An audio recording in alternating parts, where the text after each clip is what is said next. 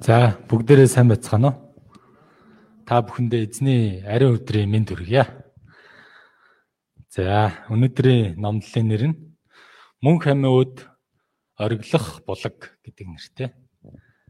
За бүгдээрээ хамтдаа залбирая.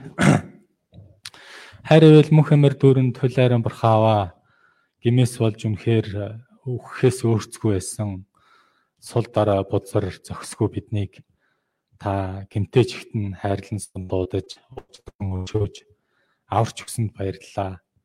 Эзэн минь өнөөдрийг хүртэл таны өмнө зогсох таны өмнө ирэх нандин ивэлийг та бас бидэнд үлсээр байгаа талархаж байна. Өнөөдрийн таны өмнө өргөх бидний мөргөл хүндэтгэлийг эзэн минь та өөртөө аваач. Таны үгнээс энэ цагт сурах гэж байна.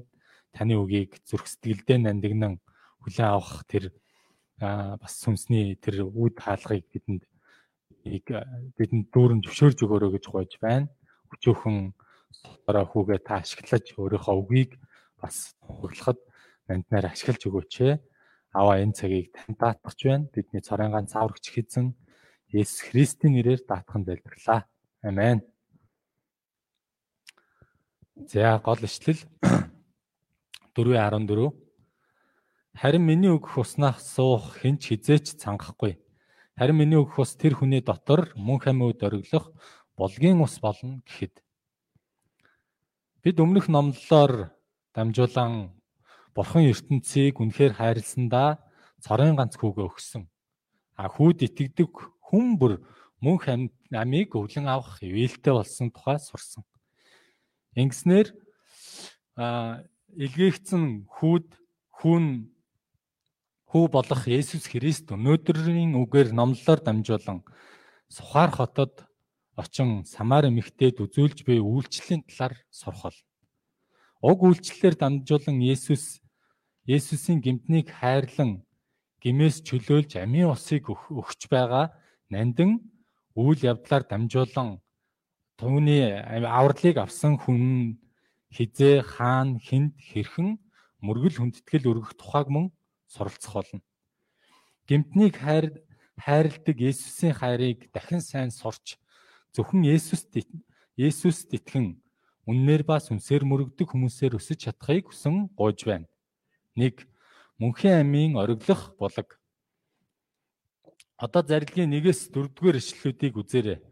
Тухайн үед Есүсийн сайн мэдээ баптист явахнаас илүү хүчтэй болсон. Үүнд нь фарисеучуд маш их атаархах болсон. Гэвч Есүс тэдэнтэй тэмцэлтэхийг огтхонч хүссэнгүй. Түүний ирсэн зорилго нь тэмцэж маргалдаж бас зөрчил зөрчилдөх бос харин эцгийнхээ хүслийг гүйцэлдүүлэхийн тулд ирсэн юм. Мөн түүний цаг хараахан болоогүй учраас хинч түүнд хүрч чадахгүй юм. Тиймээс Есүс Юдаг орхин дахин Галил руу Самараар дайрч явхаар болжээ.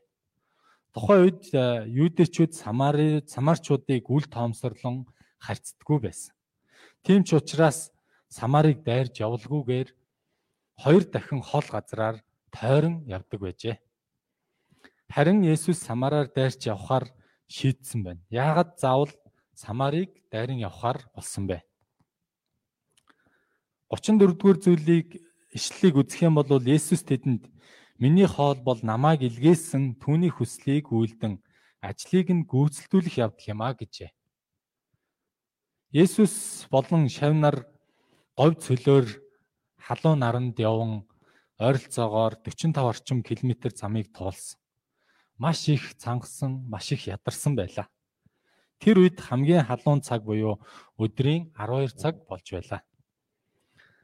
Долоогийн эхний хэсгийг үзэх юм бол Самарын нэгэн эмэгтэй ус утгахаар тэнд ирэхэд гэж. Тухайн үед э, Палест э, эмэгтэйчүүд өөрсдийн өдрийн халуунаас зүхтан өглөө оройн сэрүүнээр 2 3-аараа ус утгахаар ирдэг байсан. Гэтэл энэ эмэгтэй яагаад эд өдрийн халуунаар ганцаараа ус авахаар ирсэн болоо. Хүнд ямар асуудал, ямар зүрх сэтгэлийн нөхцөл байдалтай байсан болоо.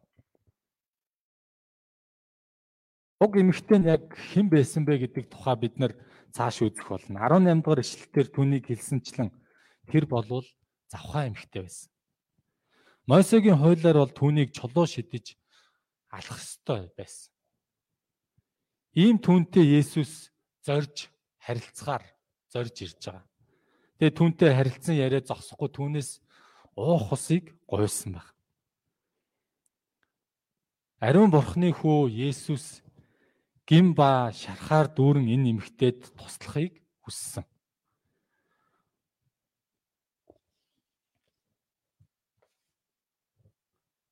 Түүнд байгаа бүх тэр хан хэрмийг нураан даруугаар энэ эмэгтэйгээс найз нь болж аав шиг нь зөөлөн сэтгэлээр гуйсан баг.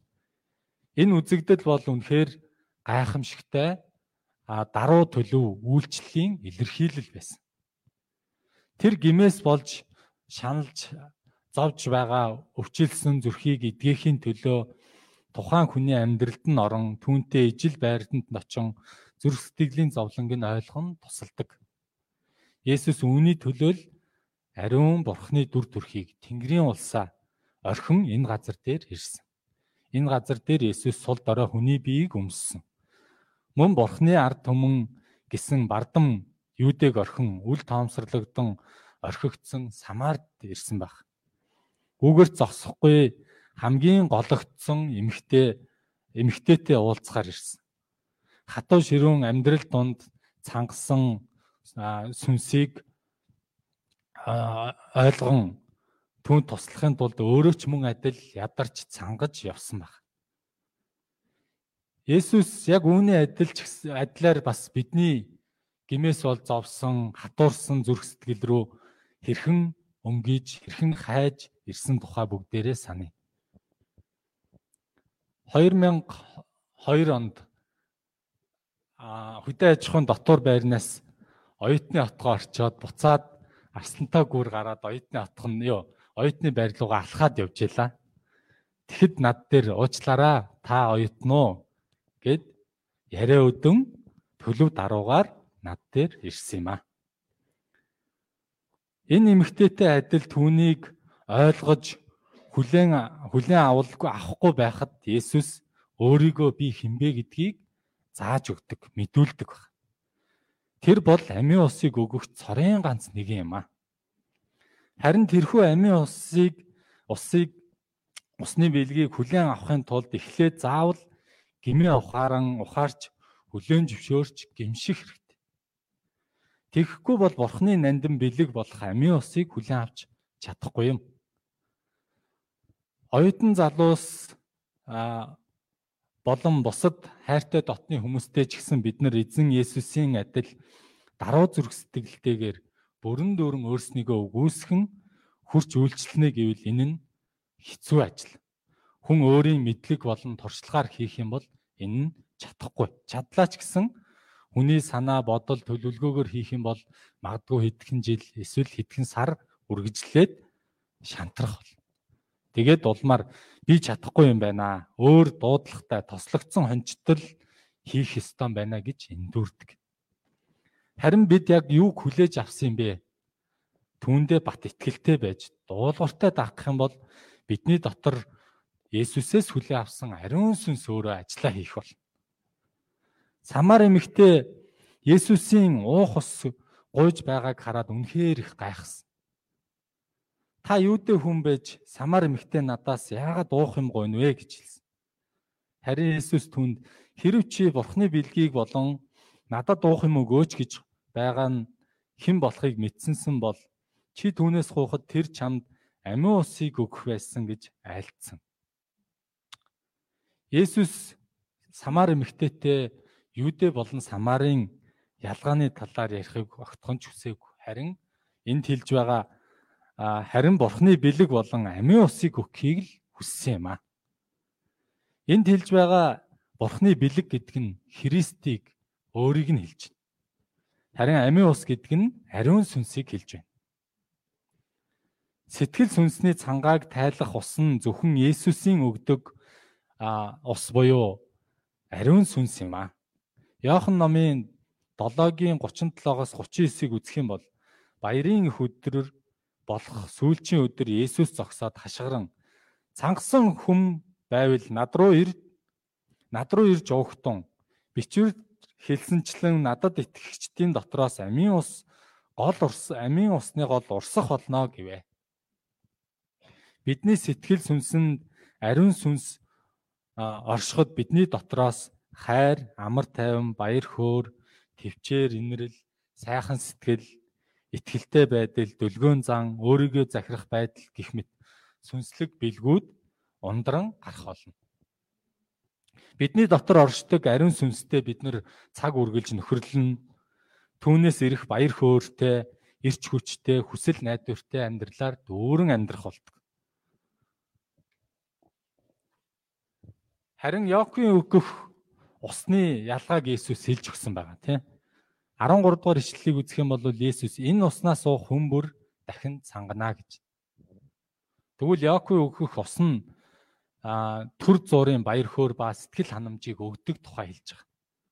Хичнээн их амттай гой сайхан хоол идэж тансаг хаусанд амьдэрч маш их үнэтэй машин унсан ч гэсэн хүний сэтгэл үргэлж сэтгэл ханамжтай байдаггүй. Хүмүүсийн дунд нэр алдартай бусдын хайр хүндлийг олсон олон сайхан найз нөхөдтэй байлаа ч гэсэн хүн дахин цангаж цангаагаа тайлахын тулд өөр шин шинэлэг зүйлсийг үргэлж ирэн хайж байдаг. Эд баялагтаа нэр алдартай баян болсон ч гэсэн хүний сүнсний цангааг тайлж чадахгүй юм. Мөн бусдаас хичнээн гой сайхан бэлэг аваад хичнээн их сарнаа цэцгийн дэлбэг авсан ч Тэр нь хэдхэн хоноод хатаж хорчээдэг шиг бэлэг авсан тухайн үеийн бидний сэтгэл хөдлөл тухайн үеийн баяр хөөрч гисэн үргэлж үргэлжлээд байдаг. Тэр аажмаар мартагдаж замхардаг баг. Тэгвэл энэ дэлхийн бүх зүйлс яагаад хүний цангааслыг тайлж чадахгүй юм бэ? Яагаад гэвэл хүн сүнсээр оршигч учраас юм аа. Бурхан анх хүнийг шороогоор бүтээгээд хамраар нь амийн амьсгалыг үлээж сүнсээр оршигч болгосон юм а. Тиймээс хүн сүнсний хэрэгцээ нь хангагдаж байд сая жинхэн сүнсний цангаан тайлагддаг. Улмаар жинхэн амар тайван, жинхэн баяр хөөргийг олдог. Харин бид заримдаа итгэлээр итгэлийг хүлээж авч итгэлээр амьдэрсэн ч яагаад сэтгэл хангалуун байж чадахгүй сэтгэл санаагаар ундаг вэ? Энэ нь Есүсээс нүүр бууруулж ертөнцийн зүйлсээс сэтгэлийн ханамжийг дахин хайсан учраас юм аа. Мөн бидний сэтгэл сүнсэнд амийн усын сувгийг бөглөдөг гмийн бөглөө байгаа учраас тэгдэг. Бид а гимшлэр дамжуулан гмийн тэрхүү бөглөөсийг авч хайж залбирлаар дамжуулан ариун сүнстэй нөхөрлснөөр бид нар амийн усыг ундран гаргадаг. 14 дугаар ишлэлийг бүгдээрээ хамт үзье. За. Харин миний өгөх уснаас уух хинч хизээч цангахгүй. Харин миний өгөх ус тэр хүний дотор мөн хамиуд ориглох булгийн ус болно. Бурхны өгөх амийн ус нь аюу ариун сүнс нь хүний зүрх сэтгэлд урсгал ус мэт урсан ордог. Мөн хүний зүрх сэтгэлээс яг урсгал урс мэт ариун сүнс өөрөө урсан гардаг. Ариун сүнс бидний зүрх сэтгэлээс урсан урсгал ус адил урсан гарахыг хүсэн тэмүүлдэг. Тэгээ хэрвээ бид нар энэ ариун сүнснийг бид нар бусдад ингээд дамжуулахгүй бол гаргахгүй бол яах вэ гэхээр бид нар яг л нөгөө сүнсэн тэнгис гэж мэдэн те бүгдээрээ сүнсэн тэнгис шиг болдог. Тэгээ Есүсийн өгдөг амийн ус нь яг л булгийн ус шиг хизээч дуусахгүй те хизээч ширгэхгүй хизээч алга болохгүй тэр хүн бүрд хүрэлцээт. Есүсийн хэлсэн үгийг сонсоод самар эмэгтэй хувьд яасан бэ гэхээр яг л Никодем шиг те шууд утгаар нь хүлээж авсан. Тэгээд эзэн тэр усаа надад өгөөч. Тэгвэл би цангахгүй. ус утгахаар энд ирэхгүй болно гэвэ. Есүсийн хайрын тэр хүү төлөвлөгөө баг багаар алхам алхамаар яваршилж байгаа тийм.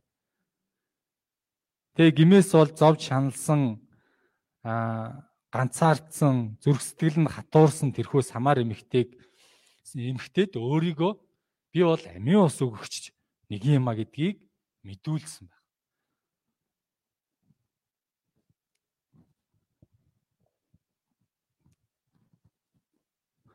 Тэгээд самар эмэгтэй харин түүнийг амийн усыг хүлээж авахын тулд самар эмэгтэй нэг зүйлийг заавал хийх ёстой байсан. Тэгэхгүй бол нөгөө бурхны өгөх тэрхүү агуу нандин бэлэг буюу амийн усыг тий мөнх амийг хүлээн авч чадахгүй байсан. Энэ нь дээр хэлсэнчлэн гимээ ухаарах, гимээ хүлээн зөвшөөрөх, гимээ гимших явдал байсан. Тиймээс Есүс ярианыхаа сэдвийг огцом өөрчлөөд эмэгтэйд 16 дугаар ишлэлээр хэлсэн те. Явж нөхрөө дуудаад ирээ гэж хэлсэн.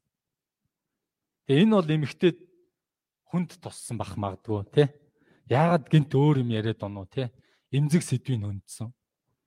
Тэгээд эмэгтэй Есүст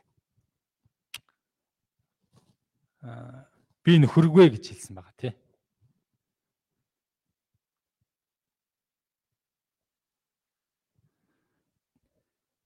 Эмэгтэй энэ хүү Есүсийн өгж байгаа амийн усыг хүлээн авахын тулд аа нөхрийн асуудал буюу тэр гим гмийн ичгүүр гмийн шарах зовлонтойгоо нүүр толох шаардлагатай болсон. Эхлээ заавал энэ хүү гмийн асуудлаа шийдэж байж тэрхүү ариун сүнсний өгдөг амийн усыг хүлээн авах ёстой учраас би нөхөргүй гэсэн түүний үгийг Есүс сонсоод а сэтгэлийн түүний сэтгэлээс гарч байгаа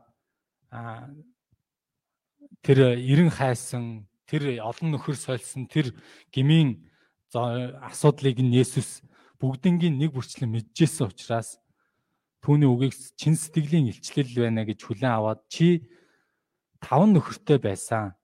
Байсан бөгөөд одоо чамтай байгаа хүнч чиний нөхөр биш тул чи үннээр хэлвэ гэж хэлсэн. Есүс энэ эмэгтэйн өнгөрсөн ба одоогийн бүх амьдралын асуудлыг мэдэж байсан. Үүний адилаар хинч гисэн хизээч гэсэн хаач байсан эзэн бурхны өмнө байдаг учраас эзэн бурхнаас бид нар юу ч нууж чадахгүй. Бид бүгдээрээ л бурхны өмнө ил тод байдаг. Бүх зүйлийг тэр бүгдийг нь Есүс мэджсэн. Есүс эмэгтэй бүх асуудлыг сайн ойлгож байсан учраас цааш нь 19 20 дугаар ишлэлийг үзэх юм бол эмэгтэйтэй өөрийнх нь бүх зүйлийг идэж байсан Есүсийн иш үзүүлэгч хэмээн зөвшөөрч дотроо үргэлж боддог байсан мөрөглийн талаарх асуудлыг сүндсэн баг. Есүсээс асуусан. Үүнийг үүнээс харахад эмэгтэй сэтгэлийн гүнд байсан жинхэнэ асуудал нь нөхрийн асуудал биш харин мөрөглийн асуудал мөргөл өргөх мөргөлийн асуудал байсан гэдгийг мэдэж болно энэ эмэгтэй одоо хүртэл төөрөлдөж явсаар байгааг харж байна. Бүх зүрхээ зориулан мөргөх тэр төгс царын ганц нэгнийг олохгүй хайсаар л явсан. Энэ эмэгтэй бүх зүрх сэтгэл, бүх оюун ухаан, бүх хүч чадлаараа хайрлан үйлчлэх, мөргөх нэгнийг хичээнгүйлэн эрен хайж байсаар байсан, хайсаар байсан. Харин энэ эмэгтэй эмэгтэй хизээ хаан хинд яаж мөргөхийг мэдхгүй эрен хайсаар л байсан юм. Ийм түнд Есүс хэрхэн хүнд хизээ хаана мөргөх вэ гэдгийг заан өгсөн.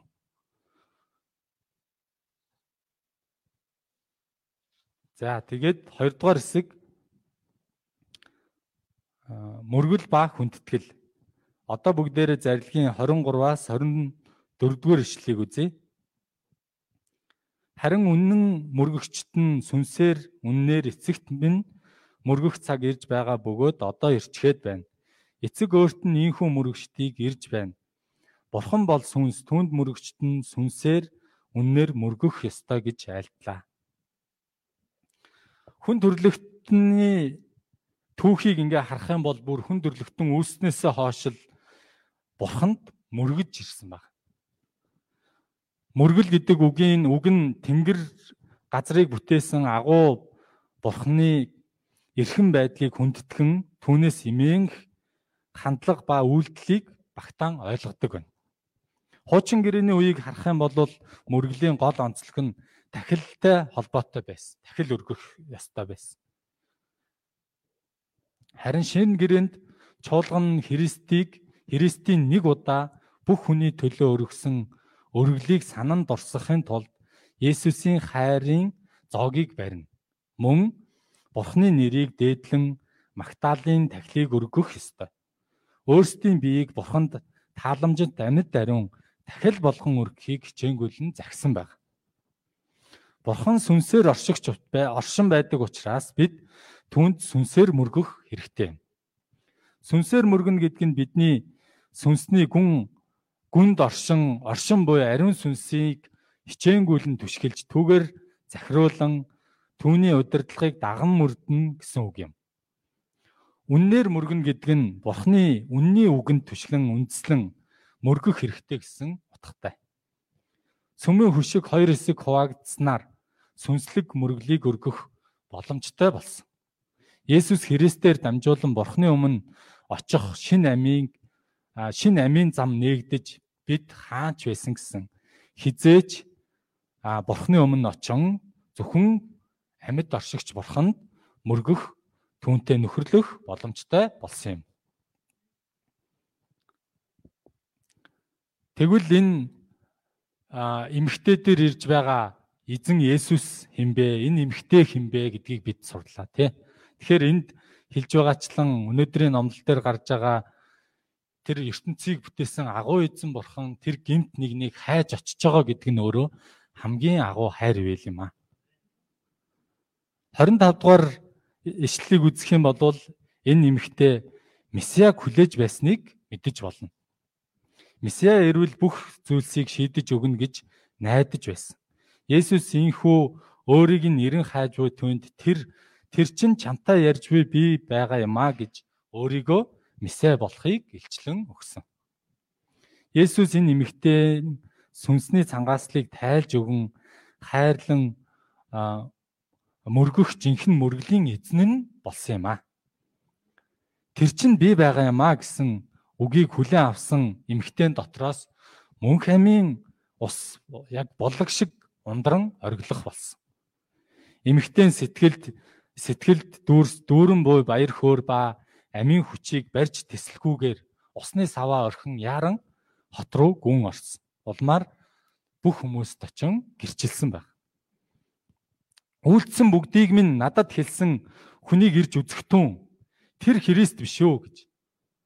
Урд нь энэ эмэгтэй болвол маш зожиг хүмүүстэй харьцдаггүй магадгүй хүмүүс ч гэсэн түүнтэй харьцдаггүй байсан. Харин Месиатай уулзсны дараа түүний дүр төрх, түүний байдал бүрэн дүүрэн өөрчлөгдсөнийг эндээс харж байна. Тэрээр олон хүмүүсийг Есүс рүү хөтлөн дагуулдаг гэрчлэгч болжээ.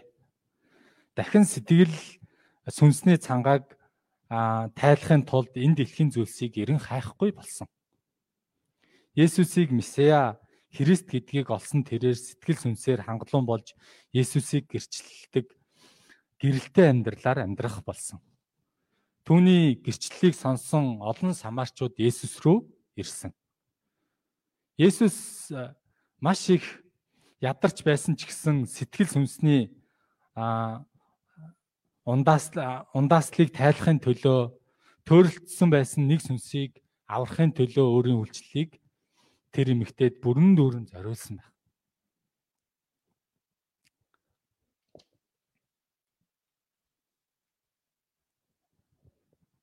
Энэ зарилгаар дамжуулаад миний хувьд сорсон зүйл ерөөсөө бурханд талархахаас өөр зүйл байхгүй байна гэдгийг ойлгосон. өнгөрсөн итгэлийн амьдралаар амьдрсан бүх хугацаанд эзэн бурхан цаг үргэлж өөрийн хайр ивэлийг өөрийн нэгүслийг бэлхэн дүүрэн өгсөнд талархаж байна. Сул дорой гимтээ намааг өрөвдөн хайрлаж бүхий л үеийн турс ариун сүнсний дотроо хамгаалж байдагт талархаж байна. Өнгөрсөн хугацаанд сайн мэдээг а сайн мэдээний үйлчлэлд өөрийгөө бас бүрэн дүүрэн зориулж чадаагүйдээ гимшиж байна. Миний сэтгэл сүнсэнд гмийн бөглөө оршиход сайн мэдээний ажилд саад болдог гэдгийг дахин зааж өгсөнд талархаж байна. Энэ цагт сул дараа надад өөрийн амийн үгөө өгч миний сэтгэлийн цангааг тайлагч нь зөвхөн Есүс бие юма гэдгээ дахин зааж өгж байгаад талархаж байна. Дүгнэлт Энэ дэлхийн материал материаллык зүйлс бидний сүнсний цангааг хизээш тайлж чадахгүй маа гэдгийг дахин сурлаа. Есүс эмэгтэйд хэлсэн те. Эмэгтэй надад итэг гэж хэлсэн. Эмэгтэй надад итэг бүгдээрээ эмэгтэй надад итэг гэж хэлээ те. Эрэгтэйдээ болохоор эрэгтэй надад итэг гэж хэлээ.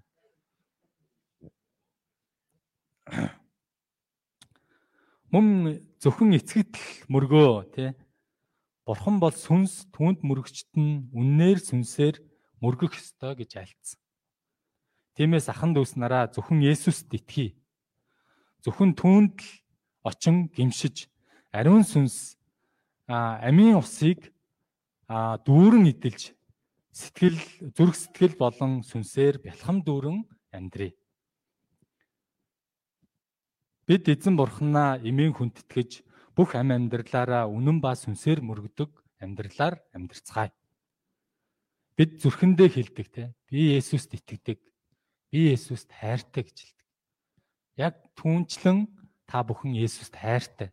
Би мэдж байгаа те. Тэгээ бид нар зүрхэндээ хэлдэг шиг энийгээ бид нар улам бүр үг үйлдэлээр харуулж амьдрцгаая. Ингэснээр бид нар амьдралаараа гэрт гэрэл давс болж эзэн Есүсийг гэрчилж баяр хөөртэй Бурхныг ч гэсэн баярлуулдаг амьдралаар амьдарч чадахыг хүсэн гуйж байна.